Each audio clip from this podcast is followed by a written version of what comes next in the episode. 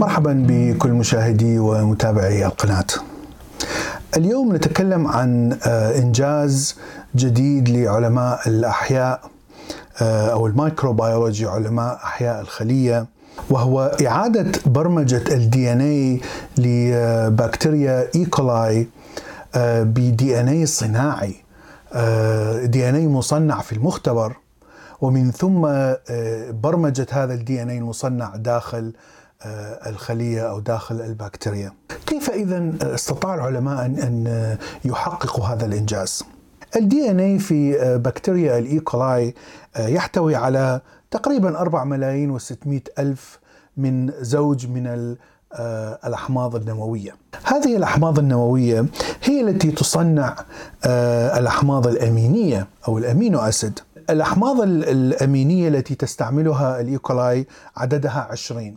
يتم تصنيع الحامض الأميني عن طريق ال DNA بحيث أن أن ال DNA يقوم بتركيب آه هذه الأحماض الأمينية آه حتى يحولها إلى peptide آه وما تسمى بال peptide polymer وهذه السلسلة من الأحماض الأمينية هي التي تكون البروتين. طبعا البروتين هو يعني هو أهم هو أساس بناء الجسم. هو الذي يبني العضلات هو الذي يبني الخلايا العصبية والاشكال المختلفة الموجودة في الجسم.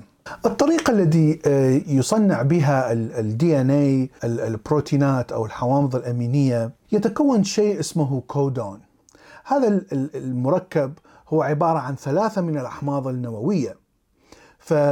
فتؤخذ هذه الأحماض النووية من من الشفرة ال DNA آه، طبعا ينقلها ال RNA فاذا ال RNA هو الذي آه، يحمل آه، هذه ال codons. طبعا الكودونات هي التي تكون البروتين الأحماض الأمينية. اذا بما أن الخلية تستعمل فقط 20 نوع من الأحماض الأمينية نتوقع أن الخلية تحتاج إلى 20 نوع من الكودون. لكن ما لاحظناه في آه، في بكتيريا ال E. coli آه، أن هناك 64 آه، كودون. طبعا هذا الشيء موجود في كل الكائنات الحية أن هناك كثير من ال DNA المكرر بحيث أن هناك ثلاثة من الكودون يبدأون بصنع أو تصنيع الأحماض الأمينية في في في سلسلة ما تسمى بال peptide وهناك ثلاثة كودونات أخرى تقوم بتوقيف عملية التصنيع عندما تنتهي آه، صنع هذا البروتين. بوجود هؤلاء الستة آه، كودونات مثلا في تصنيع peptide معين في بكتيريا ال E. coli لاحظوا أن ممكن أن نصنع نفس الأحماض الأمينية وننتهي بنفس السلسلة من ال peptide فقط باستعمال اثنين من الكودون في التصنيع واثنين من الكودون لتوقيف آه، عملية التصنيع. وهذا بالضبط ما فعله هؤلاء الباحثين. فوضعوا جميع ال DNA في آه، برنامج في الكمبيوتر وأزالوا كل الأزواج من الأحماض النووية المتكررة في ال DNA ثم شغلوا هذا البرنامج ولاحظوا أن آه، أنهم الخلية تستمر في تكوين البروتينات المهمة للحياة. وبذلك فهم آه، قللوا حجم ال DNA من 4 ملايين و600 ألف تقريبا زوج من الأحماض النووية إلى 4 ملايين فقط. بعد هذا بدأوا بتصنيع هذا ال DNA بالمختبر. وهنا آه، يعني بما أننا نعرف كيف آه، نصنع هذه الأحماض النووية فإن عملية تصنيع وتركيب هذا ال DNA يعني تمت بشكل يدوي عن طريق العلماء عن طريق الإنسان.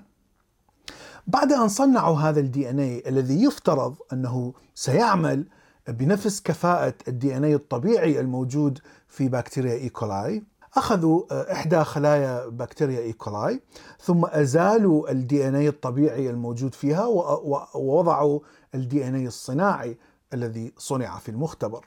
طبعا هذه العملية كانت جزء بجزء وعلى مراحل.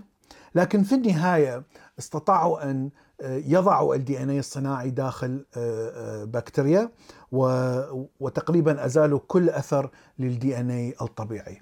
وهنا طبعا أهم شيء في البحث أن أن هذه البكتيريا ستستمر بالحياة، ستستمر في مثلا هضم الطعام وبناء البروتين وتصليح أي أي خلل يعني يصير في الخلية.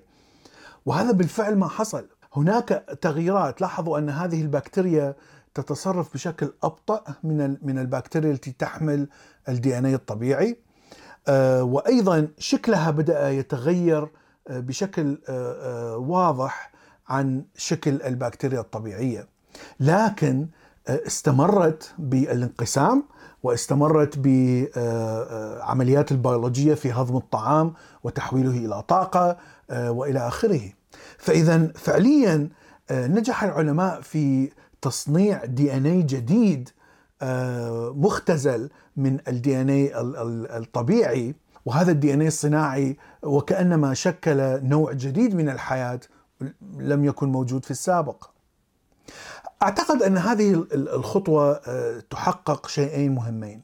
الشيء الأول هو التقدم آه، في في الطب. يعني تفتح المجال لأن يغير علماء ال DNA بحيث آه، الخلايا تستطيع مثلا أن أن تحارب آه، خلايا معينة مثلا تقتل خلايا السرطان أو تستطيع أن تحارب الفيروسات المميتة. فهذا يفتح مجال كبير جدا في آه، في الطب وفي علاج الناس.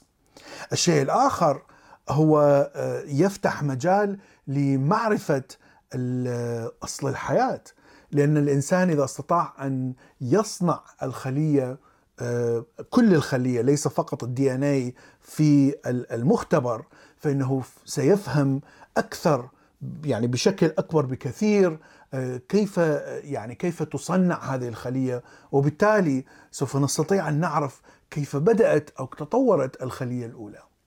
أعتقد أن هذا إنجاز عظيم. آه، وأعتقد أن العلم لا زال يتقدم وخاصة علم الأحياء لا زال يتقدم وهذا شيء عظيم أننا نعيش في هذا الزمن الذي آه، نفهم فيه أصل الحياة وسر الحياة. شكرا لكم وإلى اللقاء في فيديو آخر.